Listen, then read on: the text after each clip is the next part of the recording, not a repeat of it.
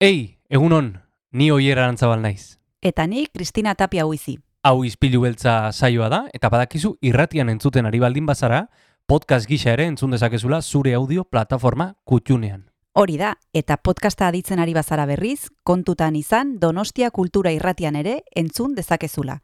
FM eundazazpi puntu lau frekuentzian. Sare sozialetan ere topatuko gaituzu noski, izpilu beltza bilatuta, Instagram, Facebook eta Twitterren. Besterik gabe, guazen gaurko saioarekin. Az gaitezen,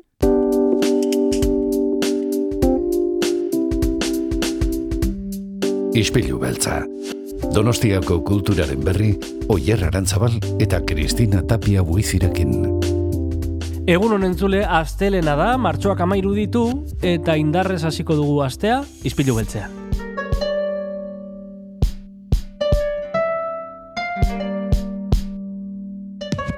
Egunon, Kristina, egun oier, zer modu zaude? Ba, kafe kikararekin. e, astelena asteko modu oberik ez dut ezagutzen. Oso ondo, ba, guk, edo nik proposatzen dizut antzerkiarekin astea eguna, oier zer iruditzen zaizu? Primieran iruditzen zait. E, gainera deferiaren baitan, bueno, badago zer zer disfrutatua. Bai, gainera, e, badekizue lan pila bat ikusteko eta disfrutatzeko aukera izango dugula egunotan, eta guk gaur bertan, antzestuko den lan baten inguruan arituko gara, Hernani, hain zuzen ere, Fernando Errek sortutako proiektua da, eta gaur arratsaldean Victoria Eugenia Antzokiko e, klubaretoan ikusteko aukera izango dugu. Mm, esan behar dugu, ez dago lasarrerarik, oier, beraz, e, bueno, gara izibilizirenak eta bisi-bisi zirenak ikusiko dute gainontzekoek itxaron beharko dute agian uda partean edo etorriko delako berriz ere lana eta esan bezala gaur e, Fernando Erre gonbidatu dugu eta gainera etorriko da Mikel Iturria berak asteko agenda errepasatuko dugurekin eta gainera jarriko digu bete bezala musika ederra. Hori da, e, Mikel Iturriaren maparekin hasiko dugu astea, e, agendari errepaso emanaz, eta, eta tira, eta Fernando Erre bezalako gonbidatu ederra. Asier errastiri emango diogu bidea? Perfecto, guazen asier errastiren musikarekin astera gaurko izpilu beltza.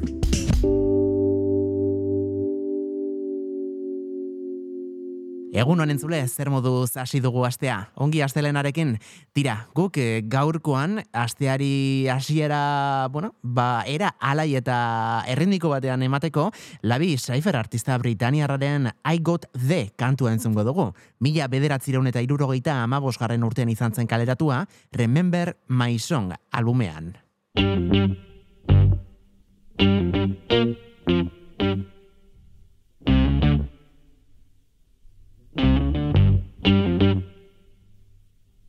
I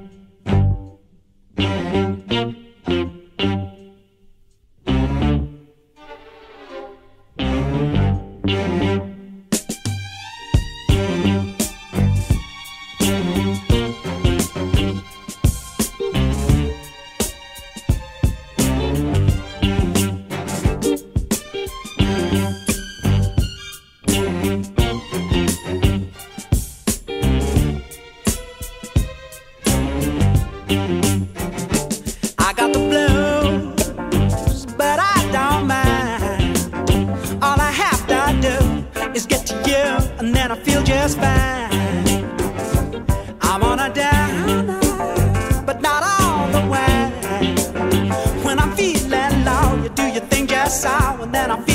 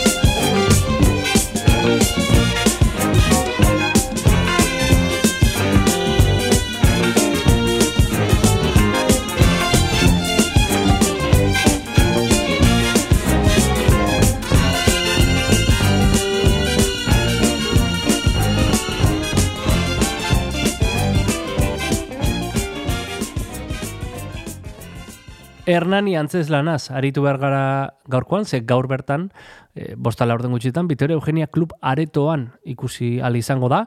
E, azpimarratuko du Madrid aldean e, bere biziko mm, e, arrakasta izan duen antzeslana dela, Bai, bai. eta gaur izango dugula berau idatzi duena, Fernando Erre, gainera, e, bueno, ez dakienarentzat, ba hori, ba, gidoilari, e, ibilbide handiko gidoilaria dela, e, Fernando Erre, bai, bai asemanitan, bai e, Jose Motaren e, saioan, eta beste hainbat e, lekutan ibili dena. Bai, baina orain e, salto egin du e, antzerkira, eta hau da bere lehenbiziko antzezlana, esan bezala Madrilen, e, bueno, nik uste dut gaur egun ere badagoela aukera ikusteko, duela urte bete aurkeztu zuen bertan, eta urte betez egondu da han, e, bertako antzerki a- antzoki batean, eta orain etorriko da lehenbiziko aldiz Euskal Herrira, e, pase bakarra izango du Hernanik, esan bezala Victoria Eugeniako klub aretoan, baina baliteke uda partean edo uda, ba, uda baino pixkat lehenago Bai. ba, berriro itzultzea donostira kontatuko digu Fernando Errek oraintxe bertan. Guazen Fernando Herrerekin, izpilu beltzen. Mendieze ikurrin eder Azken asaitu taixian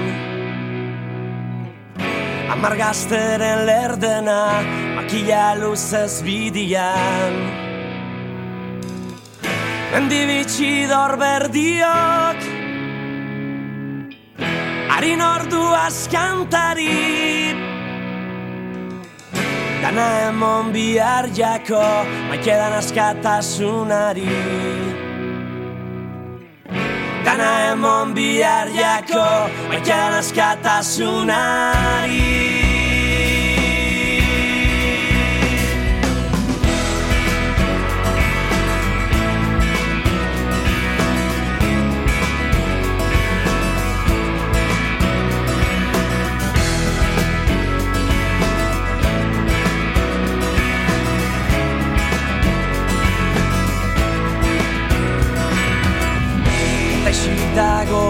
arratxa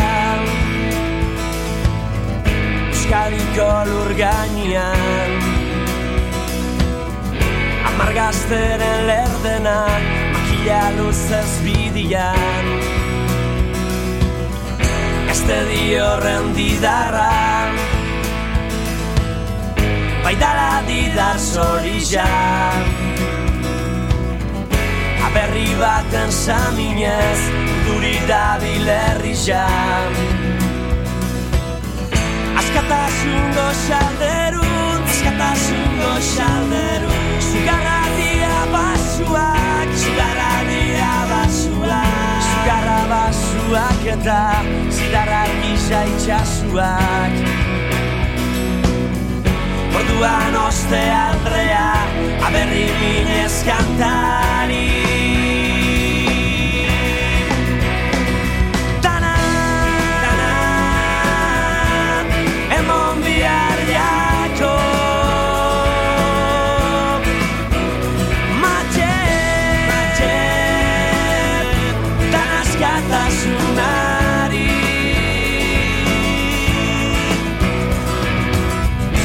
Gazte horrei gorunztuaz. Abestita ikurrinez. Lainuan baino tirotxak Bertza da gerro dolez Ikalaztua susuak Ikalaztua susuak Mendizia dago izilean Mendizia dago izilean Amargazteren lerdena Bizitza barik lurrean. Eta jontziko bakian Norbaitek darrai kantari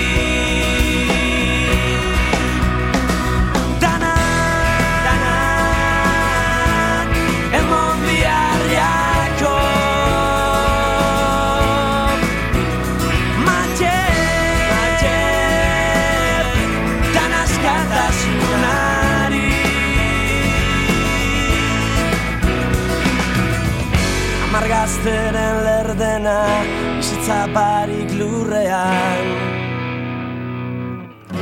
Eta jontziko bakian Norbaitek darrai kantari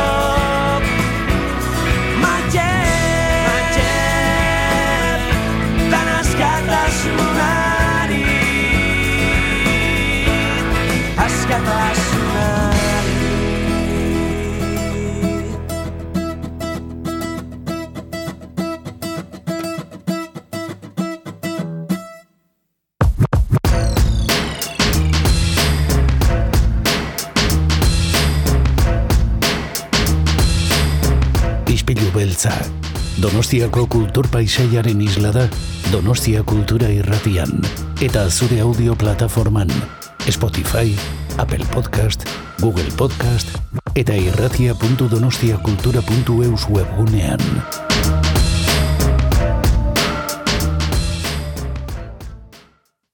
Astelena da entzule eta badekizu astelenetan Donostia Kultura Irratian agenda errepasatzen dugula eta horretarako gonbidatzen dugula Mikel Iturria Donostia Kulturako langilea da bera eta xehetasun guztiak ematen dizkigu. Egunon Mikel zer moduz zaude? Ondo, zuere bai. Ongi, zer moduz pasatu duzu asteburua? Ondo esan beharko.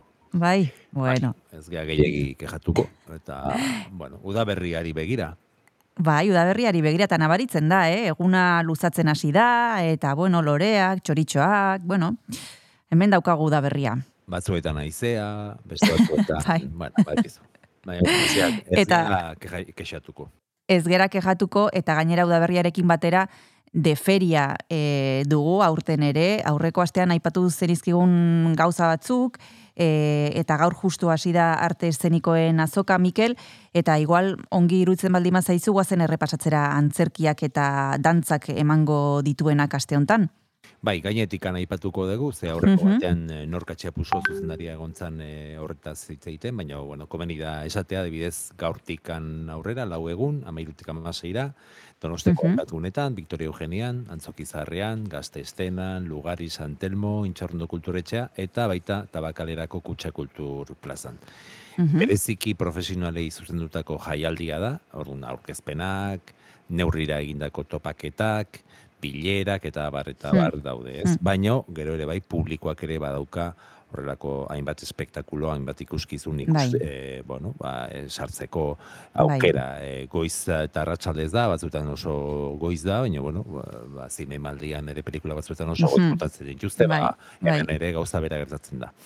Mhm. E, aurtengo gaia esango dugu fake dela, ba, bueno, Bai. ba, teknologia, teknologia berrien erabilera masiboagatik, ba, ba, badirudi bai gizarte bezala, ba, eta bai nor, e, gizabanako gisa, ba, gure espiritu kritikoa edo galtzen ari garela, Mhm. informatzituta egotea gehiago kostatzen da, eta manipulatzeko almen handiago dauka Mhm. e, potereak, ez? Eta, bueno, pues, horri buruzko o, hainbat ikuskizun ikusiko ditugu, hogeita zortzi konpainia izango ditugu, Mhm. e, hogeita zortzi ikuskizun eta guztira berroita lau emanaldi.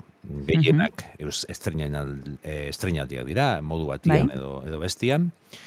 Disiplinetan e, ia erdia dantza da, euneko berrogeia e, antzerkia, eta disiplina nitzak edo zirku, eh, disiplina nitzak euneko amaika dira, zirku ikuskizun bat ere badaukagu, eta, bueno, Mhm. pues, e, hori ere komeni da esatea. Bai. Euskal konpainiak euneko berrogeita iru dira, e, eren bat Espainiarrak dira, eta gero nazioartekoak euneko hogeita bosta, bostena edo alako zerbait. Euskeraz Mhm. bakarrik e, bi emanaldi emango dira, let silueten e, txakurrak eta Bai. a, el mono habitadoren lurtarrok e, ikuskizuna. Mhm. Batez ere e, Espainiari begira indako gauza bada, eta bueno, Mm. ba, ikuskizun gehiena dira gaztelaniaz. Mhm. Badakit, eh, astean zehar hainbat gonbidaturi eginiko elkarrizketak edo emango dituzuela, ez da? Bai, esan bezala, justu gaur e, bertan izango dugu gurekin e, zure ondotik Fernando R. Fernando Rodríguez, e, arituko zaigu Hernani antzeslanari buruz. Bihar, e, aste artean izango dugu Mireia Gabilondo, la noche, la celda sin noche buruz e, arituko da gurekin menizpilu beltzan. Ama bostean Amaia Lizaranek ihir dantza ikuskizuna aurkeztuko du. Eta bueno, izango ditugu hemen e, deferian egongo diren gonbidatu batzuk. Eta antzerkia eta dantza errepasatu ondoren, musika agendari erreparatuko diogu. Mikel, zer kontzertu ditugu? Pues oso gutxi. Aste honetan Ara. emanaldi bakarra dago, claro, e, ikus, e, ikuskizun gehienak dira antzerkia eta dantza eta gure e, antzokietan, gure gune estenikoetan hori da nagusi. Baina badaukagu Mhm. emanaldi bat, emanaldi Bai. bat Erneslu kulturetxean, ostiralean, atxaldeko zazpietan izango dana, Tierri Bizkari, etorriko da lagunekin kantari, Mhm. ba, urte asko dira amara berri kantuz taldekiden eskutik lagunekin kantari eh, antolatzen direla, ba, irostako batokitan, baina kasu honetan amaran, e, ikasbide kultur elkartean eh, ematen den kantu ikastaroa Bai. eh, osatzeko edo osagarri moduan antolatzen den ekitaldia da, eta mm, normalean artista bat gonbidatzen dute, eta kasu honetan Tierri Bizkari Mhm. eta aukeratua. Lehen zatian bere emanaldi, bere kantak edo eskainiko ditu, eta amaitzeko kantuzalekin batera ba, ezagunak diren hainbente, hainbeste kantu edo ba, bestuko Hmm. dik- ditu. Mhm. Eta igual une aprobetsatuko dugu Tierri Bizkariren muda kantua jartzeko. Ederki, bagoazen entzutera, muda.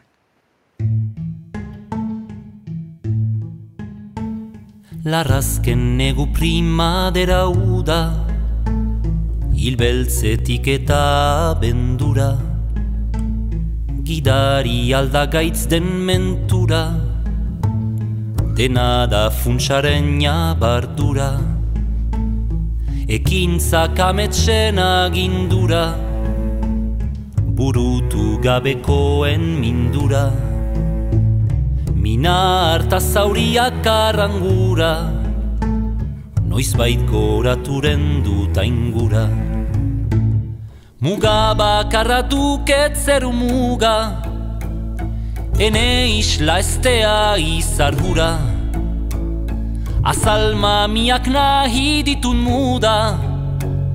Ni hauri zaitekoren naheldu da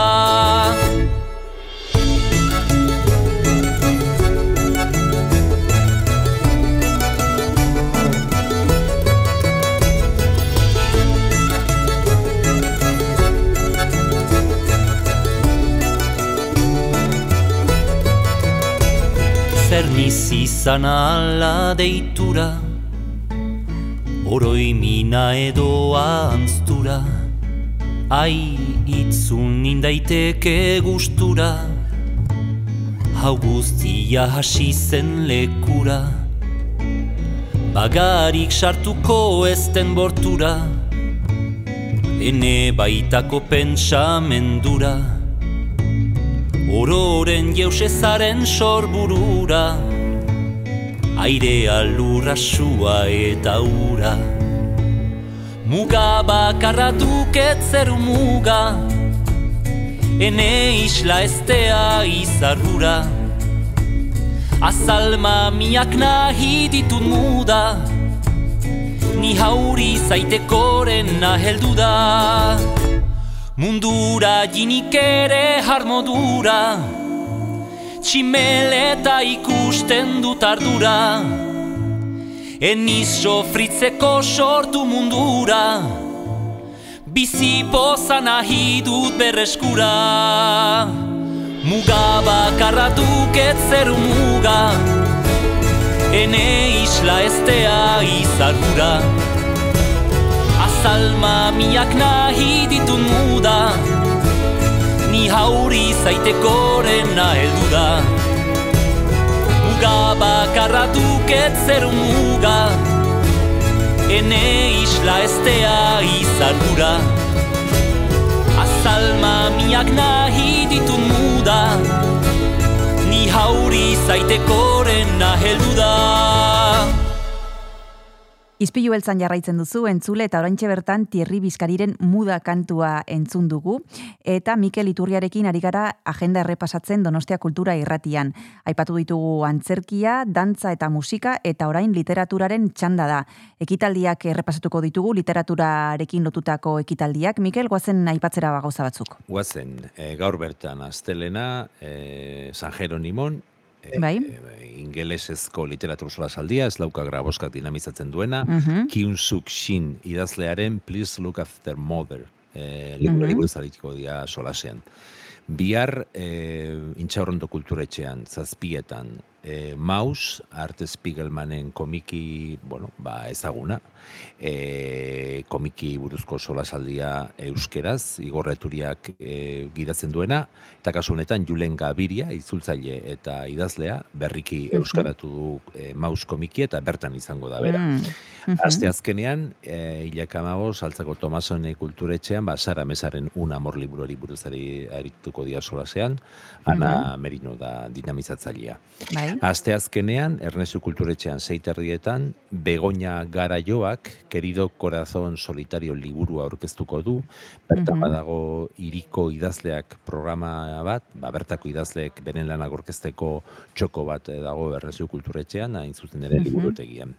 Eta amaitzeko ostegunean, hilak amasei, zazpietan literatur solasaldi euskera, zintxarrondo kulturetxean, Kirmen Uribiren izurden aurreko bizitza, tertulia hau Mhm. e, plazara goazekin antolatzen dugu, eta iratxe erretolaza da dinamizatzailea. Ederki, ba, literatur solasaldien errepasoa egin dugu, ikus dezagun orain, zer dago azpimarragarri erakusketan atalean, Mikel? Bueno, ba, lehenik eta behin, igandean, martxoak emeretzi, amaituko da ilustratzailearen txokoan, neguan egon Bai. ilustratzailearen erakusketa, lehena e, udaberri usaia aipatu dugu, hemen daukagu neguko ilustratzailearen txanda e, amaituko da, eta datorna azten esango dugu e, zein den udaberrikoa, publikoa da, baina bueno, gero e, gogoratuko dugu Iban Ilarramendi Zarauzko ilustratzaile eta dinasi- diseinatzaile grafiko honen sorkuntza unibertsoa ba, ikusteko aukera da, e, dagoela, ba, itxasuko eta euskal sustraiek indutako elementu dira, ba, e, armairu bata, e, armairu polit bat, eta gogoratu behar da, kulturetxan egongo dala iganderarte, astelenetan itxita dago, Bai. Aste hartetik ostiralera arratsaldez e, ikus daiteke, larun batetan goiz arratsaldez eta plan politia da. Oierri beti esaten dion, igande goizan hartu meak da segi, horret, e, segi bertara. Hori da. E, zuri ere esate, esango dizu. Bai, joaten gara, joaten gara. Oso polita dago aiete gainera garaion. Bueno, aiete beti dago polita, garai guztietan, nire pila bat gustatzen zait, bai. Perfecto. Venga, segi, barkatu. Ost, ez, ondo. Ostiralean eh, amaituko da eh, lugaritzen eh, beste erakusketa bat, Katrin Aldarondo, Aldarondoren eh, ere hutsak eta azkenik erakusketa berri baten berri emango dugu. Bai, erredundantzia barka, barkatua izan dadila. E, poesialdiarekin batera dutako erakusketa bat da, ostiralean zabalduko da Ernestu Kulturetxean, eta ikusgai egongo da, maiatzaren amairu arte, Riki Dabilaren No Bozka uh, on the Moon izeneko erakusketa da, Antonio Pérez Fundazioarekin batera antolatu da, eta, bueno, ba, Riki, e, 2007an Nikolai semearen e, bila joan zan, adopzio adoptatu egin zuen, eta, bueno, ba, Kiev eta Odessa hirien argaziak eh, atera zituen.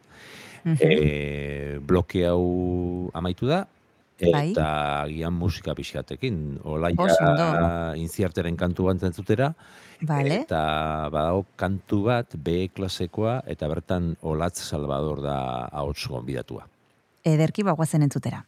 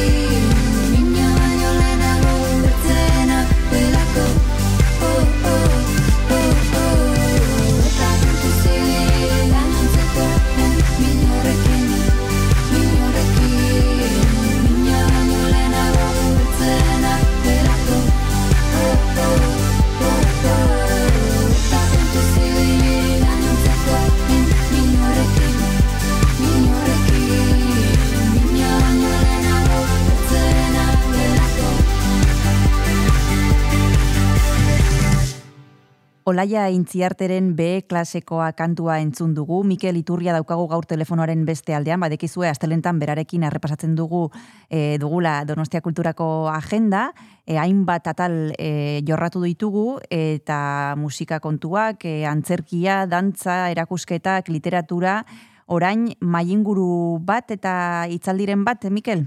Hori da, guazen el, liburu arkezpen bat, lehenbizi, Bai. e, okendo kulturetxean, larrai, e, larraitza mezaga del fragoren endo feliz, ba, liburu honen bidez, e, endometriosia izeneko gaixotasuna ikusi nahi du, Mhm. egileak, Mhm. e, ba, ba, logikoa denez, e, eskubide osoa dauka, ba, alik eta bizitza osoena, eta sebetena lortzeko. E, aurkezpen hau, zazpietan gaur okendo kulturetxean. Bihar e, hitzaldi bat Ernest Luken zazpietan, Iziar Kortesek hizkuntzak aro digitalean.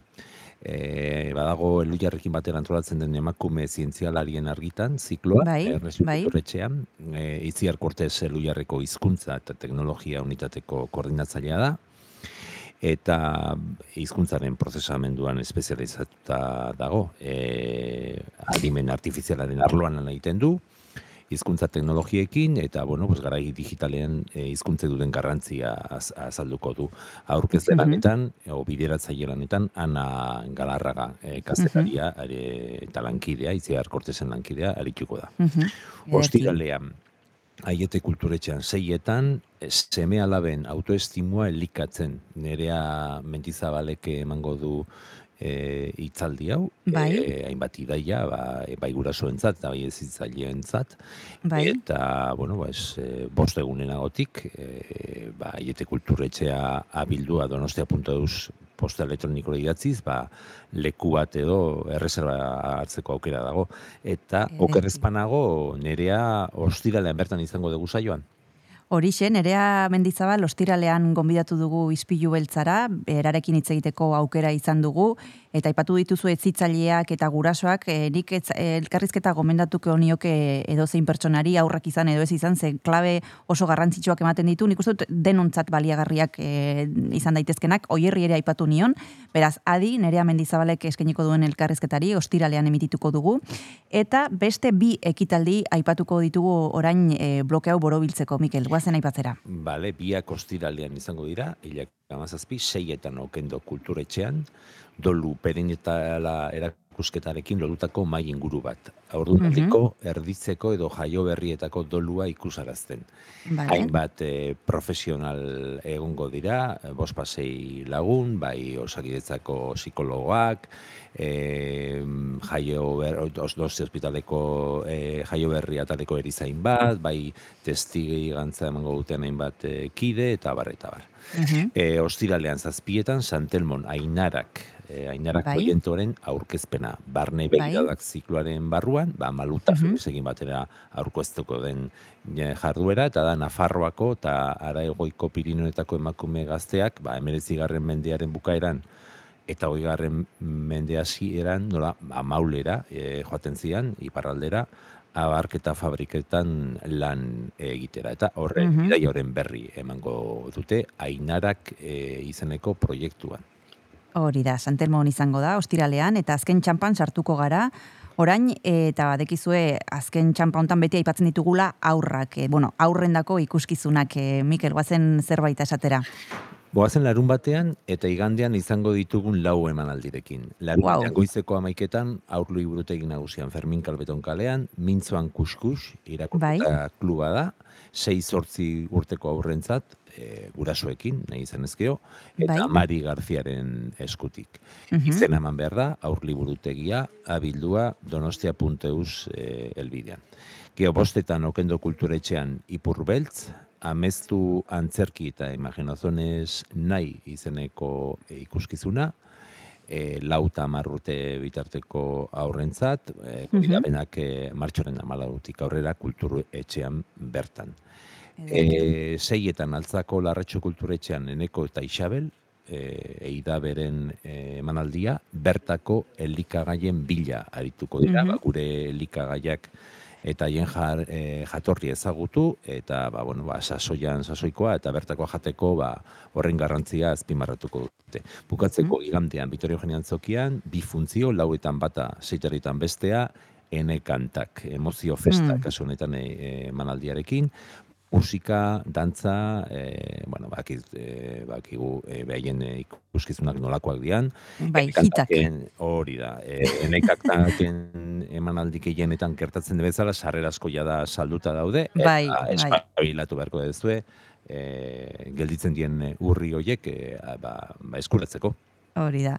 Bueno, ba, ene kantaken e, funtzio doblearekin utziko ditugu entzuleak, e, amaitu aurretik gogoratu behar dugu komeni dela gertutik jarraitzea Donostia Kulturaren sare sozialak batez ere abildua Donostia Kultura, e, kontua Twitterren eta webgunea donostiakultura.eus azken orduko aldaketen berri izateko. Amaitu dugu beraz eta asteko agendaren errepasoa hementxe duzue txukun txukun Mikel Iturriak egiten du egiten duena astero, baina egun e, agur esan aurretik beti bezala abesti bat aukeratu behar duzu. Mikel, zer pentsatu duzu? Ba, urtengo kantu bat, e, Everywhere I Go, e, Kat, Mhm. Kat Clyderena da, Kanadako abeslari bat, eta, bueno, ba, aio-aio esateko, uste dut abesti aproposa dela. Ederki, bagoazen entzutera, eta atorren astera arte, Mikel, bezarkada bat. Berdin, aio, Agur.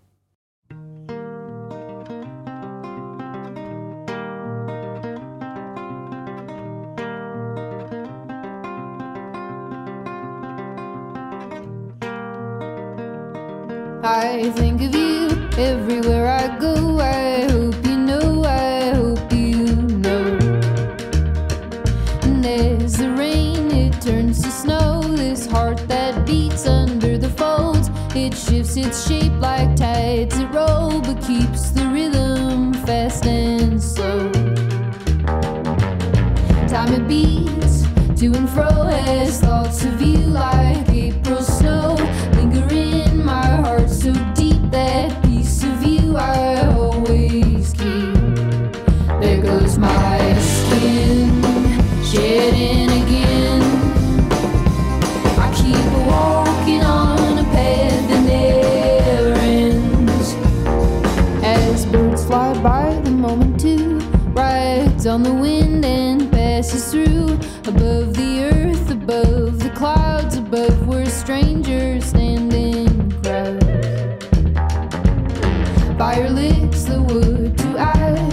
telling me that nothing lasts but of the seeds that died and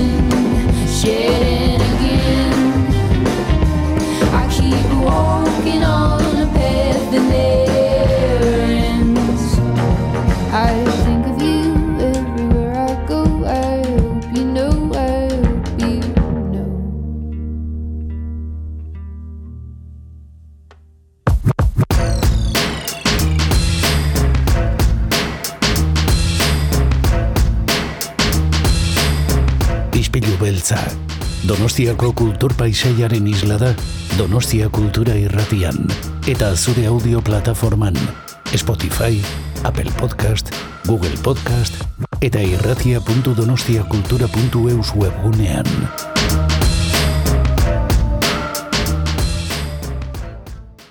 Gaur hasieran iragarri dugun moduan antzerkiari buruz hitz egingo dugu Ispilu beltzan, badakizue entzule de ferian gaudela murgilduta eta bertan izango dugun e, lanaren e, zuzenda, bueno, zuzendari ez e, gidoigilearekin arituko gara Donostia Kultura Irratian, Hernani antzeslanaren sortzailea dugu telefonoaren beste aldean, Fernando R, egunon, ¿qué tal estás? Uno, Cristina, muy bien. Muchas gracias por la invitación.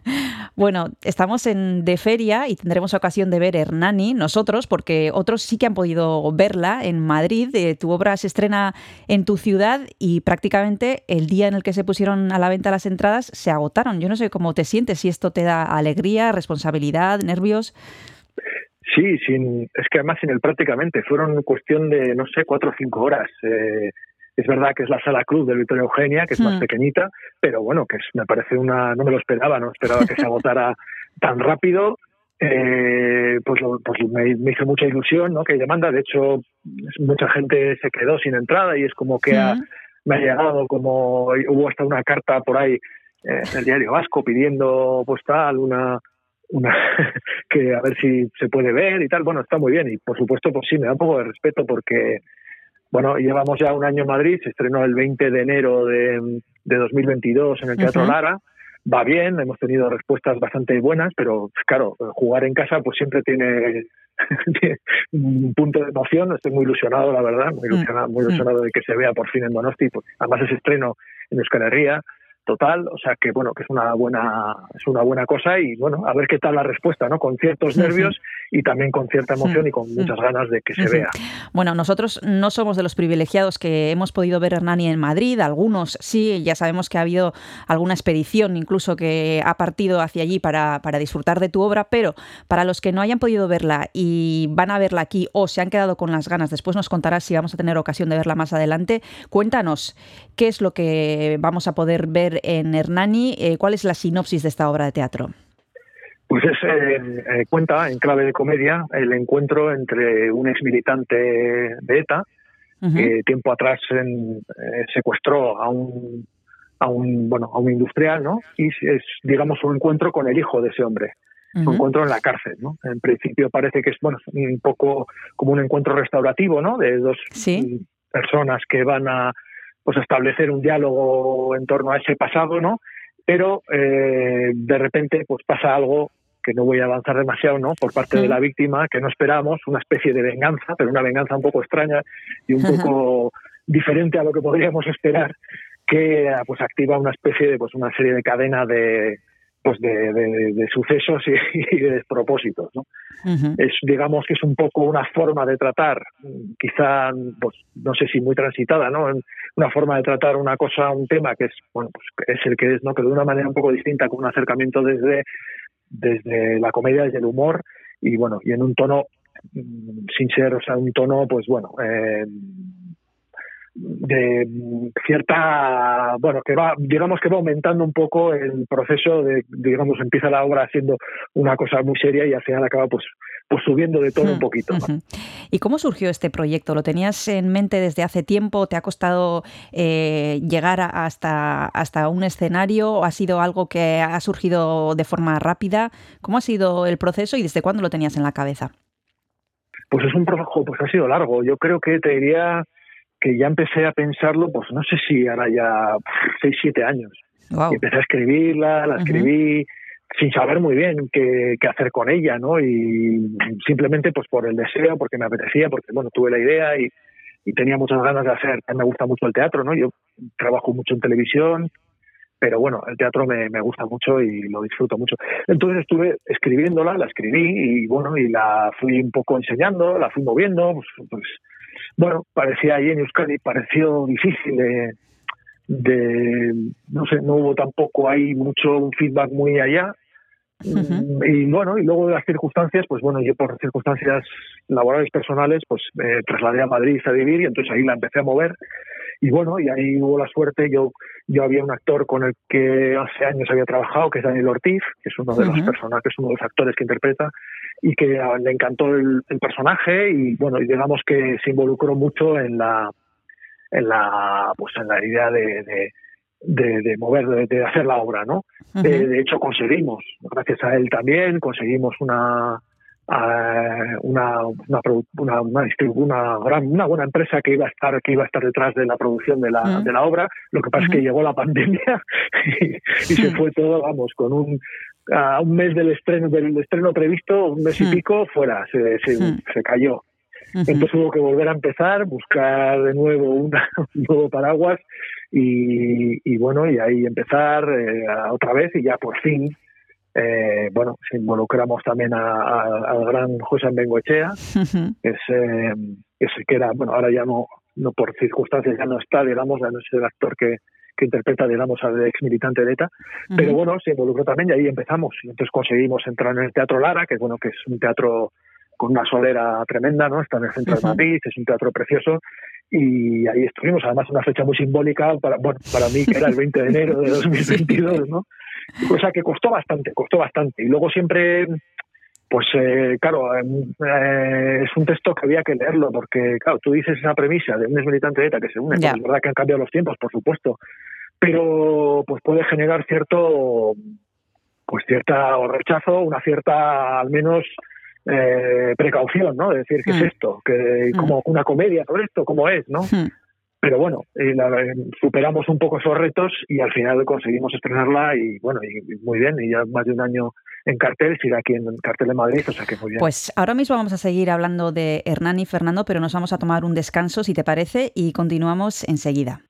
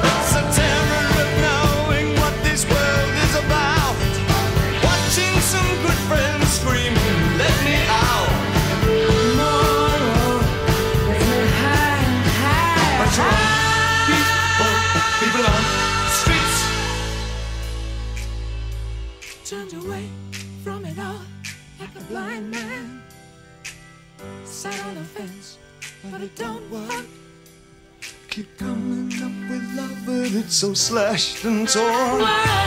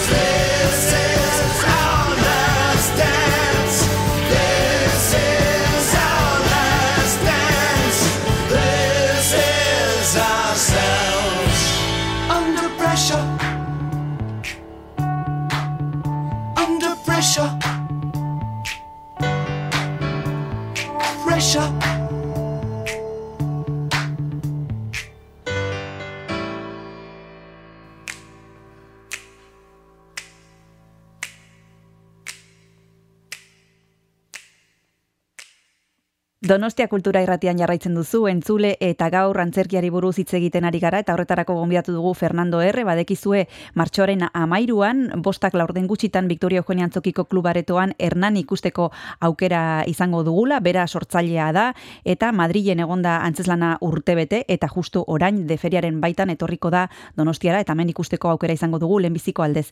Fernando, antes has mencionado que tú has trabajado muchísimo tiempo en la televisión, aún todavía eh, lo haces, pero el teatro, yo no sé si es diferente, si las claves que se manejan son diferentes, si te ha costado mucho adaptarte a, a este medio o, o- o son más similitudes lo que hay. Bueno, es, es- es diferente, es diferente en el sentido de que, claro, es y además, bueno, era un reto también, porque es una obra Mm. de dos personajes, hay dos, o sea, son dos personas, son dos actores durante 80 minutos y simplemente, bueno, hay alguna voz, eh, una, alguna, un personaje ¿no? Hay- de hecho, hay un funcionario de prisiones que nunca vemos, que está interpretado a la voz por Carlos Hipólito, que fue un lujo, por cierto, más majo, Mm. tremendo, súper generoso y majísimo. Y, hombre, es un reto en el sentido de mantener la atención durante tanto tiempo, ¿no? Y, bueno, en, una... en- no, pues, sin tener los recursos que tienes en la, en la televisión, ¿no? donde juegas con el, con la cámara, ¿no? Con la perspectiva de la cámara, con donde Mm. juegas con los planos. Aquí es, eh, pues eso, a- es un escenario, dos personas, además es muy, Mm. es muy sobrio el escenario, que es una cosa que más me, me hace especial ilusión, porque se mantiene, sí, al final es una mesa, es una, una Mm. cámara de seguridad y poco más, y dos sillas, y, po- y, y además es que me encanta esa, esa puesta en escena tan sobria, porque además permite los actores, pues claro, lo, lo levantan y, permiten que también, pues eso, que, que sea una obra de texto y de, y de actoral, ¿no? Muy, Mm. muy pura. Y no sé, para mí sí es un, de hecho es una cosa que me encantaría seguir. Bueno, de hecho estoy ahí escribiendo y haciendo cosillas, pero sí el teatro me parece que tiene otra, sobre todo lo que más, una de las cosas que más eh, diferencia o que más me ilusiona con respecto a la tele es que tú ves al público en directo, ¿no? Y Ujú. ves al público reírse y eso es un subidón. Ves al Ujú. público, pues eso, bueno, cuando tú ves la tele, pues al final son los fríos datos, ¿no? Te puede hacer algo gracioso, pero al final tú ves el dato, y no sé qué, ¿no? Y aquí ves a la gente. Eh, y eso está muy bien. Eso me, y esa es uno de los grandes diferencias, ¿no? Y sobre todo que está, ya te digo, que el apoyo es mucho más, se basa mucho más en, en, en este caso, pues en, en un texto, ¿no? Se tiene que estar muy bien, bueno, muy bien hilvanado, muy muy sólido para que te aguante ese tiempo, ¿no? para que te aguante ese tiempo bien. Que ya te digo, en, el- en la tele, en el cine o lo que sea, pues tenemos otros recursos, tenemos ya, entra también más, más elementos, ¿no? Y, bueno, y esa es la principal, digamos, quizá diferencia. Dices que el teatro te permite ver a la gente, ver las, las sonrisas y las risas de la gente, eso no te lo ofrece la televisión. ¿Qué respuesta ha tenido la obra en este año en Madrid, Fernando? Pues muy buena, la verdad es que yo muy contento porque ha venido gente, además es que lo bueno es que luego al final yo he estado en casi todas las representaciones, soy así de friki, me gusta verlo, me gusta ver las reacciones, me gusta, hemos hecho cambios también, cosas que veis que no funcionan, ¿no? Que, o que dices, mira, esto no, vamos a cortar aquí, o y luego me gusta mucho ver las reacciones y todo, ¿no? Y entonces ha habido reacciones, ha habido mucha gente que al final de la obra venía, oye, tal, eh, me decía, pues, y venía con una cierta prevención, pero la verdad es que tratáis el tema, jo, qué bien y tal. Hace poco llevo, ha, ha habido dos testimonios que me han hecho mucha ilusión. Uno de ellos fue una, una pareja que me dijo que vino al final un matrimonio, que vino al final de la obra y tal, y es el autor y tal, oye, enhorabuena, llevamos 25 años viendo teatro, hemos visto más de 300 funciones y esta es top 10. O sea, me Oh. parece, y, y vamos, yo estaba ahí como con la lágrima, ¿no? casi, me- muy ilusionante. Y luego, hace poco, además, hará un par de semanas, vino un, el hijo de un ex militar, o sea, de un- bueno, el hijo de un militar asesinado por ETA. Oh, que fue como, bueno, que nos enteramos al final, claro, que, que digo, fueron, fue la típica cosa que van amigos, ya, eh, este llegó, yo creo que no sabían que iban a ver, y claro, digo, y entonces este hombre, pues, eh, me, nos dijo, oye, mira, me estaba a punto de salir al principio, cuando he visto, pero luego es que me he enganchado y, y me, y me ha encantado y me ha parecido que lo habéis tratado con mucha delicadeza, con, con Mm. mucha, muy, con mucha, bueno, con una, con buena mano y tal, y Mm. dijo y tal, y, y que le había, le había, y además estaba emocionado. Mm. Y joder, fue como muy, uf, muy, bueno, bonito eso, ¿no? Que también se entienda bien, que, que, que no se, o sea, que, que, que me parecía importante, es una de las cosas que a mí me parecía importante conseguir con la obra, que trates una comedia sin, sin, sin herir o sin pretender herir a nadie o sin, ¿no? Entonces eso ha sido muy bonito. Entonces la recepción yo en general es como muy buena, lo ves también en, en las críticas que hay en la, pues en la web de venta de entradas también, Sí. ves críticas de gente, o sea, de, bueno, que, que además es hijo y que te hace ilusión que más o menos. Funciona, ¿no? Y que la gente sale contenta. Y lo ves, lo veo, lo veo todos los fines de semana, sí. Claro, claro, eso es lo bueno, lo que decías, ¿no? Que tienes la ocasión de compartir con la gente, bueno, tanto las cosas que hayas podido ver que haya que cambiar, como las críticas positivas de- del público que asiste allí y esperemos que también ocurra lo mismo aquí en Donosti. Vamos a recordar que Sí, Hernani, eh, tendremos ocasión de verla, algunos, es, eh, que tenemos mucha suerte, el próximo 13 de marzo en el Victoria Eugenia Club a las 5 menos cuarto de la tarde. Vamos a preguntarle a Fernando un poquito más tarde si vamos a tener ocasión de verla más adelante, porque como hemos dicho, las entradas se agotaron casi el mismo día en, el que se pusieron a la venta. Nos vamos a tomar el segundo descanso y volvemos ahora mismo.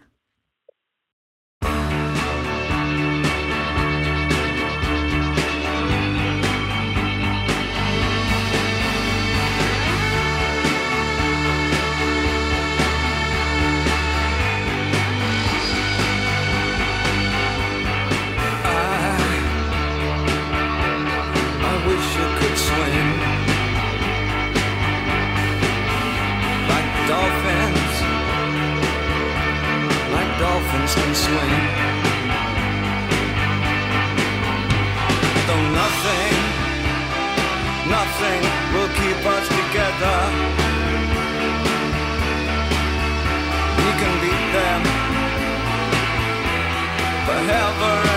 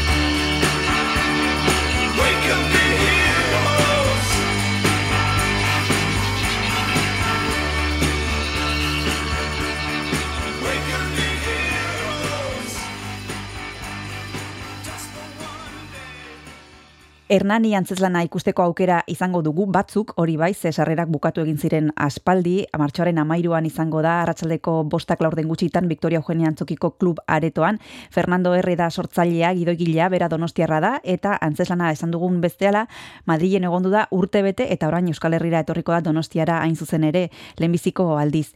Eh, antes has hablado, Fernando, de un par de cosas eh, que me gustaría subrayar, y es el tono, has habla- hablado del tono varias veces, y que han cambiado por suerte los tiempos. Eh, no sé si eh, eso del tono, ahora que estamos hablando aquí, por ejemplo, desde hace bastantes semanas en redes y en bares y en muchos más sitios eh, de, humor, de lo vasco, de qué tiene gracia, de qué no tiene gracia, a cuenta de un programa de televisión, por ejemplo. Eh, no sé si tenemos humores diferentes, si tenemos que, mm, si vosotros tenéis que modular los tonos, si nos pueden dejar de hacer gracia las cosas que antes eh, nos hacían gracia. No sé, no sé cómo, cómo ves esto. Bueno, hombre, a ver, la comedia, todo tiene un tono, el tono es un poco la, por así decirlo, es una cosa que utilizamos mucho, además lo pensamos mucho en cuando para cualquier cosa, ¿no? No solo para comedia, para todo, ¿no? Al final, ¿dónde está, cuál es el tono Mm. de las cosas, ¿no? Porque tú puedes decir, esto es un thriller, pero no es lo mismo un thriller, yo qué sé, no es lo mismo La Casa de Papel que Mm. El Topo, Hmm. por así decirlo, ¿no? Mm. De alguna forma, ¿no? Cada cosa tiene como un tono, pues es un tono más elevado, más disparatado o más, por decirlo de manera más así un poco rápida para que todo el Mm. mundo nos entienda, ¿no? Entonces en la comedia, pues puedes tener desde diferentes tonos, ¿no? Puedes tener desde un tono paródico, puedes tener un tono absurdo, puedes tener un tono eh, disparatado, o sea, ir al disparate, puedes tener un tono más sobrio, mm, en fin, o sea, que eso es una forma de modular el tipo de comedia, ¿no? El tipo de humor, el tipo de situaciones, eh, hasta qué punto son absurdas o son creíbles o hacerlas creíbles o no, ¿no? A mí es una cosa que me preocupa mucho y creo que es muy importante y en la comedia fundamental, porque claro, no es lo mismo, pues eso, eh, en comedia también lo vemos muy claro, ¿no? No es lo mismo, eh, mira, la que se avecina, por ejemplo, que Macho Mm. Salsa, ¿no? Que es de los mismos creadores, son dos series de los mismos creadores, pero tienen un tono completamente diferente.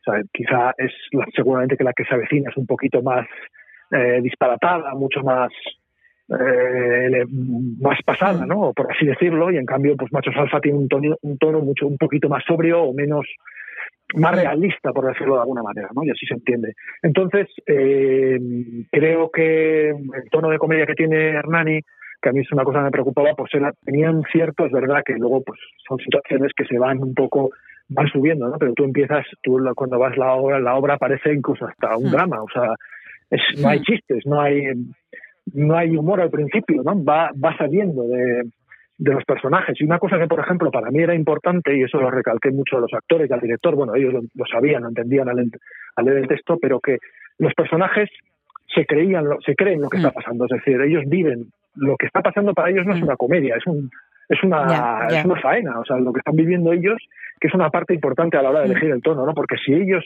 no se toman en serio lo que les está pasando, pues ya es otra cosa, ¿no? Ya vas a otro tema, ¿no? Entonces, en este caso, por ejemplo, y una de las cosas que a la gente más se ríe, que además es una cosa que nos pasa a todos, ¿no? Que a- nos hace gracia ver sufrir a los demás. Esto es así, o sea, cuando... em, entonces, tú ves a los dos personajes que lo están pasando mal, o sea, que no que ellos para ellos no hay gracia, o sea, no hay ninguna gracia en lo que están viviendo, ¿no? Y- pero en cambio desde el público, pues claro, van van viendo esos, esos personajes pasarlo mal, ¿no? Entonces sí, sí, el tono es una de las cosas más importantes.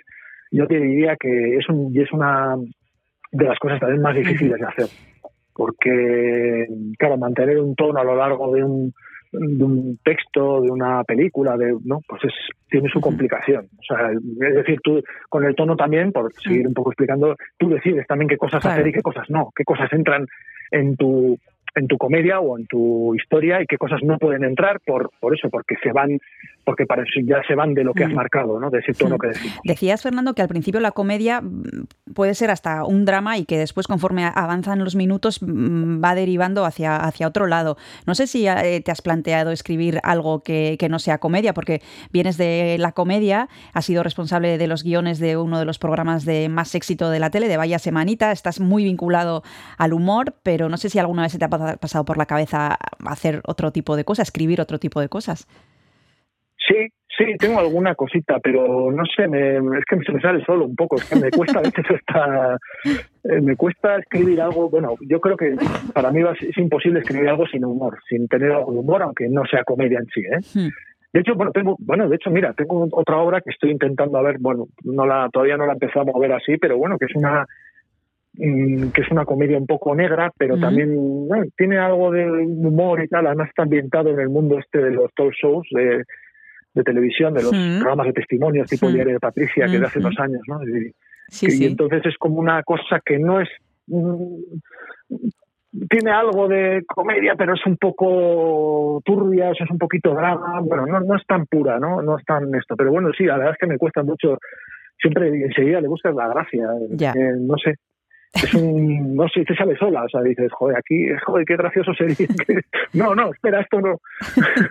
Pero bueno, yo sí, o sea, sí que creo que variantes, no, no todo tiene que ser, o sea, además a mí tampoco me, no soy muy de comedia eh, y bueno y Hernani tiene chistes pero no soy mucho mucho de comedia del chiste no sino Hmm. más de la situación o de que el humor salga de la situación Hmm. más que de chistes en sí Ujú. o que aquí bueno ya te digo que aquí los hay.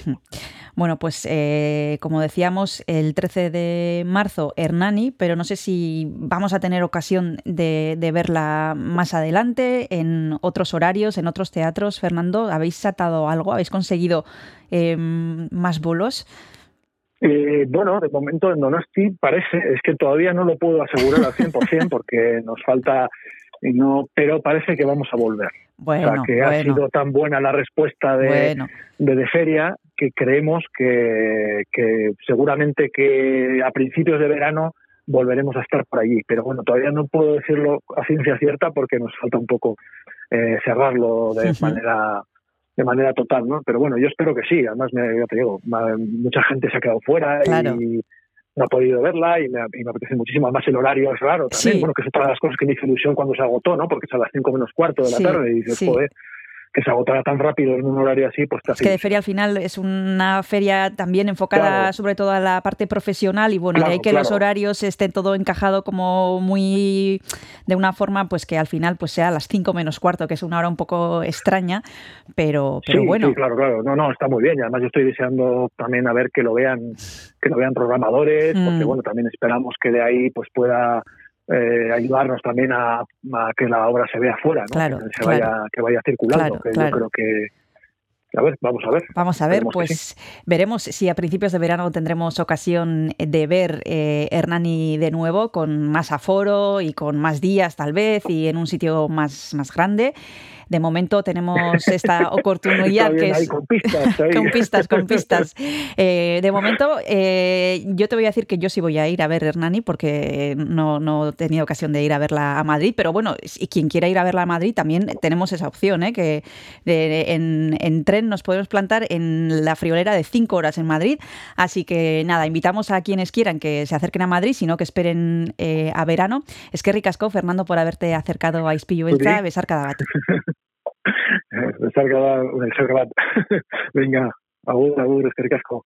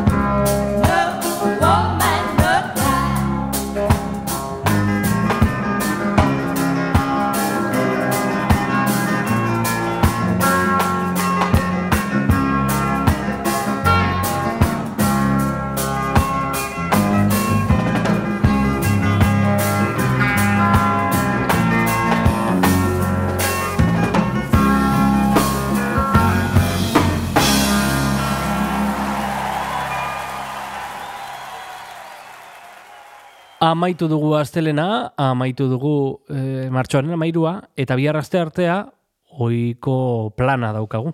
Boiko plana, bihar etorriko zaizkigulako Kresala Zineklubeko lagunak, eh, hain zuzen etorriko da eh, Jared Diaz, eta berak ekarriko du Rice Boy Slips pelikula, eta gainera izango dugu gurekin eh, oier Mireia Gabilondo la celda sin noche eh, den inguruan hitz egitera etorriko zaigu, baina hori guztia bihar izango da. Gogoratu astelenetik ostialera entzun gaitzakezula FM 107.lau frekuentzian edo nahi eran, nahi duzun audio plataforman. Ispilu beltza, eh, saiatzen da Donostiako kulturaren isla izaten eta, ba, bueno, eh, Donostiako kulturaren berri izan nahi baduzu, elkartopo egingo dugu. Hori da, eta bihar egingo dugu berriro topo, oier, ongi pasarratxaldea, bihar arte. Aio,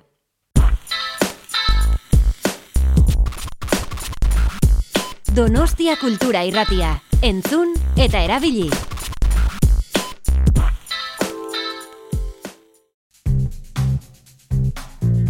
Kanta katilua. Kaixo entzule, hemen jarraitzen dugu izpilu beltza irratsaioan, orain kantakatilua atalean badakizu datozen minutuak musikari eskeniko dizkiegula, eta gaurkoan Euskal Herrian geratuko gara. Olaia Intziarteren azkeneko albuma entzuteko plazerra izango dugulako, bueno, azkenekoa eta lehenengoa, aldi berean, e, album bakarra kaleratua duelako, naiz eta oraintxe ikusi dudan, eh? 2000 eta emeretzian e, kaleratu zuela bere lehenengo singela, astelenetan izena zuena, baina 2000 eta hogeita bigarren urtera arte ez da izan bere lehenengo albuma e, kaleratu duen arte. E, badakizuek, bueno, ba, album honen titulua Lengo lepotikan burua e, izena duela, egia esan, bueno, titulu bitxia, eta lehenengo kantua entzungo dugu askar askar izan ere berrogeita amasei segunduko mm, e, sarrera edo intro moduko kanta bat delako. LLB du izena, eta imaginatzen dugu lehengo lepotikan buruaren e, bueno, ba, lehenengo izkiak direla. Entzun dezagun.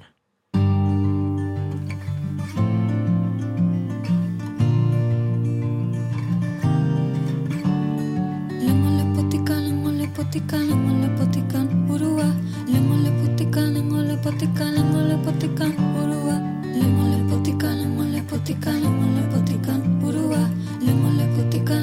lengo lepotikan, lengo lepotikan burua. Lengo lepotikan, lengo lepotikan, lengo lepotikan burua. Lengo lepotikan, lengo lepotikan, lengo lepotikan burua.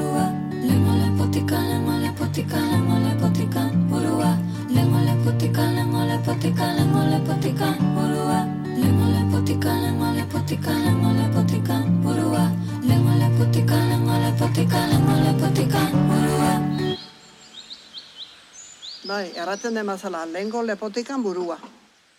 Aipatu dugu 2000 eta hogeita bigarren urtean argitaratu zuela, bueno, ba, Olaia Intziarte bakarlariak e, bere lehen diska, lehengo lepotikan burua izena duena, eta bertan sonoritate tradizionalak eta abanguardistak ere e, arilkatzen ditu, eh? E, gainera, Olat Salvadorren e, kolaborazioarekin abesten duen B klaseko abestia ere, e, bueno, ba, segituan, eh? diska kaleratu, eta hortik egun gutxira, hasi ginen entzuten irrati guztietan, eta gaur egun esan genezake dudari gabe, diska hontako kantarik ezagunena dena. E, aipatutakoa, B klasekoa.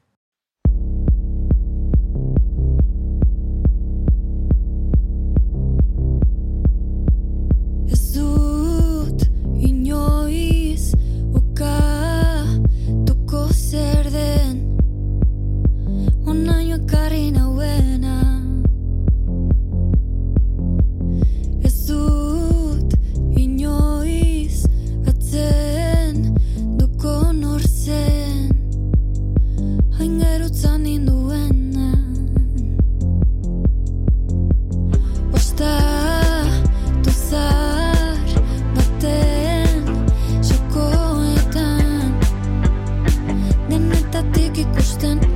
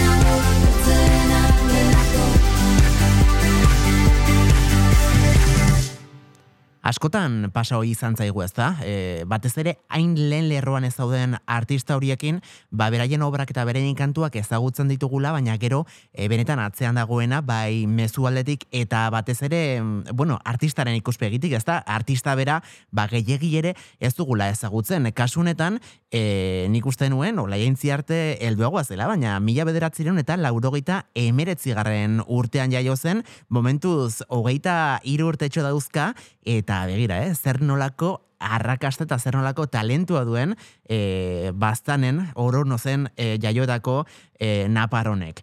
E, aipatu dugu, naiz eta lehengo urtean e, bueno, bere bakarkako lan aurkeztu zuen, aurretik ere Iker Lauroba, Joseba Tapia eta Txika Sobresaltorekin ere e, musikari lanetan aritutakoa dela. Eta baita, Piaura taldeko ahotsa izandakoa ere. E, elkarrizketa batetik ateratako, bueno, ba, aipu bat irakorriko dizuet. E, abestiak egiteko nahiko nartzisista naiz. Ez dakit idazten besteen historioen inguruan. Hori da, Olaia Intziartek esan zuena, beraz, urrengo kantua gereziak izena duena, ikusiko dugu, zeren ingurukoa den. Jarri musika eta emaizki gazu gereziak ahora eskuak dira lehen ukituarekin igotzen dutenak arbola eta gainean zue batek banatzen du kulpa kristaua doan eroriko naiz baino ez du importa hartzen albadut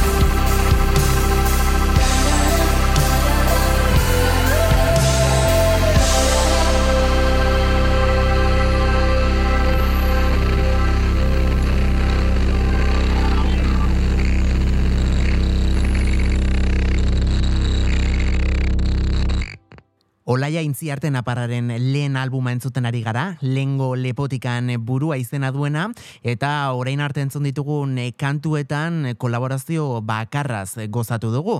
Olatz Salvadorrek B klasekoa kantuan egindakoa zain zuzen. Batira, urrengo kantuan, kasu honetan, emakume batetik gizonezko batera e, pasako gara, peki izango delako kasu honetan, olaia intziarterekin batera, kanta honetan abesten arituko dena. Zerua gorriz.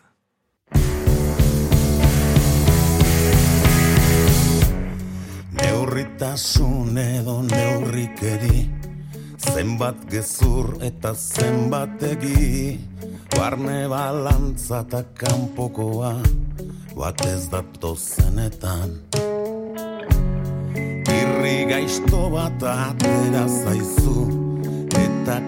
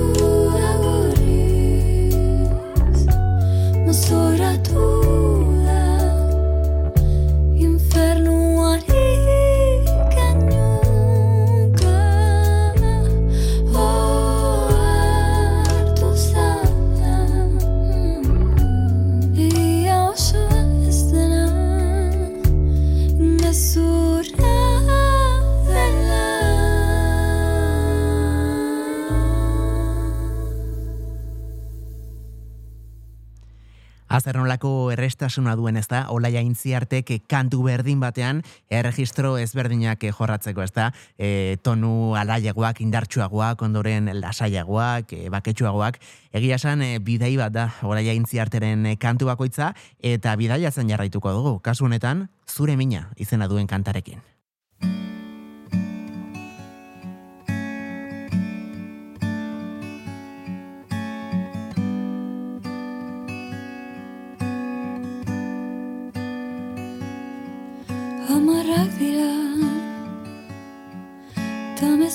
Batek izozu egin nau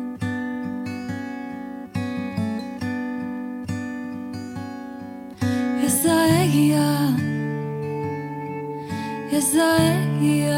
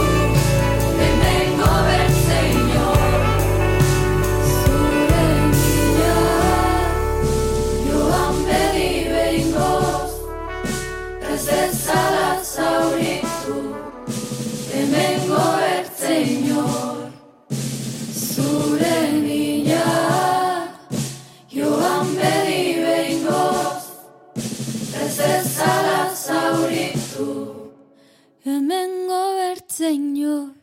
Jarraian entzungo dugun kantua bai dela erabat ezberdina e, album hau osatzen duten eh, gainontzekoen eh, kantekiko izan ere, bueno, m.j. izena duen kantu honek beste estilo era bat e, diferentea lantzen duelako entzun.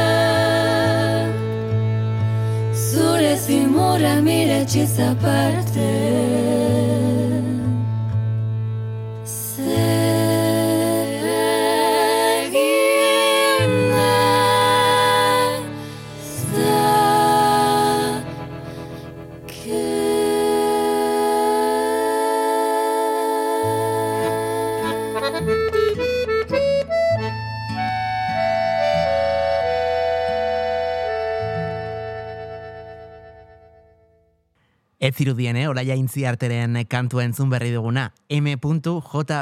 izena zuena.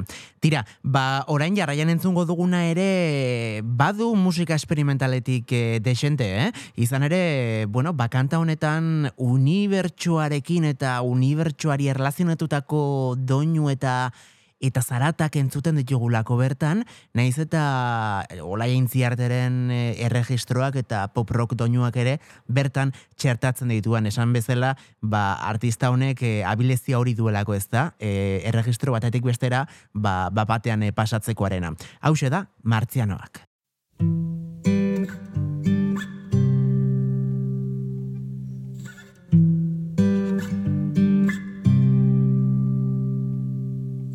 Hitz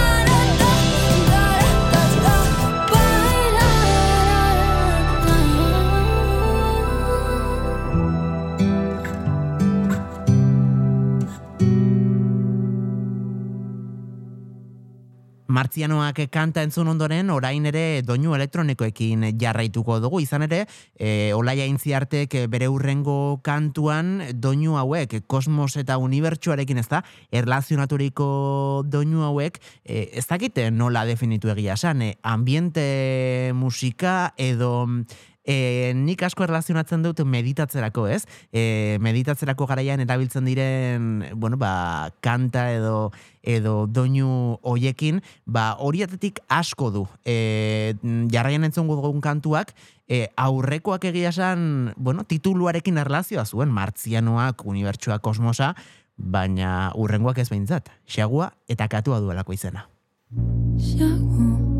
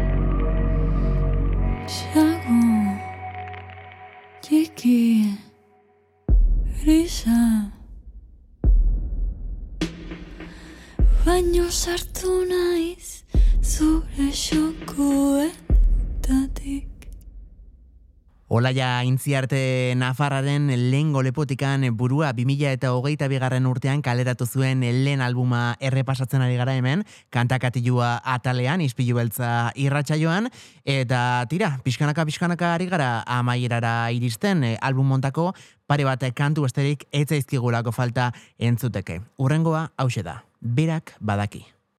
Tripoka taratzen hasi zaizki Usartua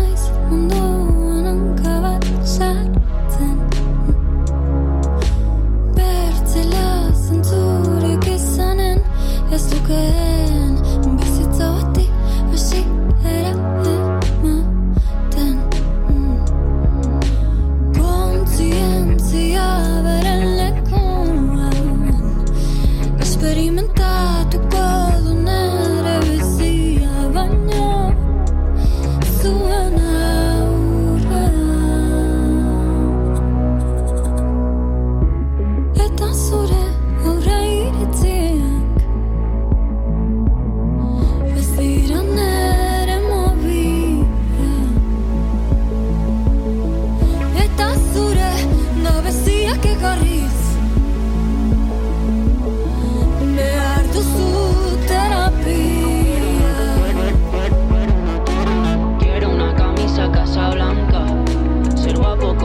en Casa Blancas. Mudarme contigo a la Casa Blanca.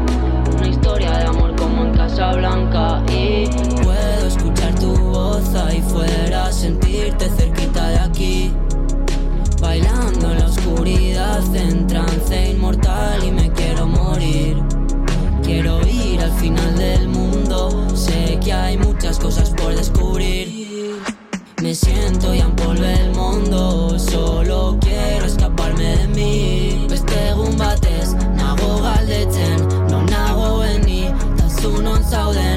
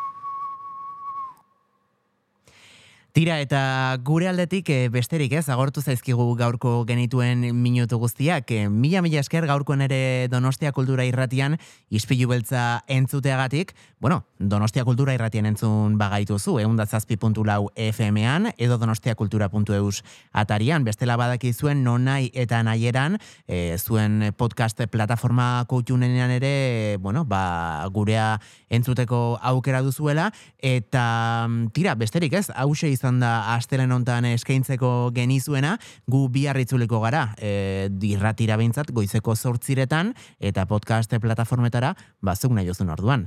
Besterik ez gure aldetik, bihar arte, txintxo izan, agor. Ta zer da musikari bat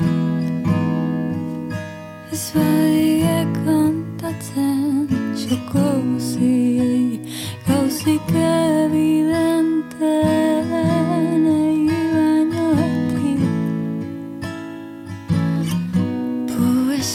Poesia bihurtu nahi ez Eta beti Zer da musikari bat hori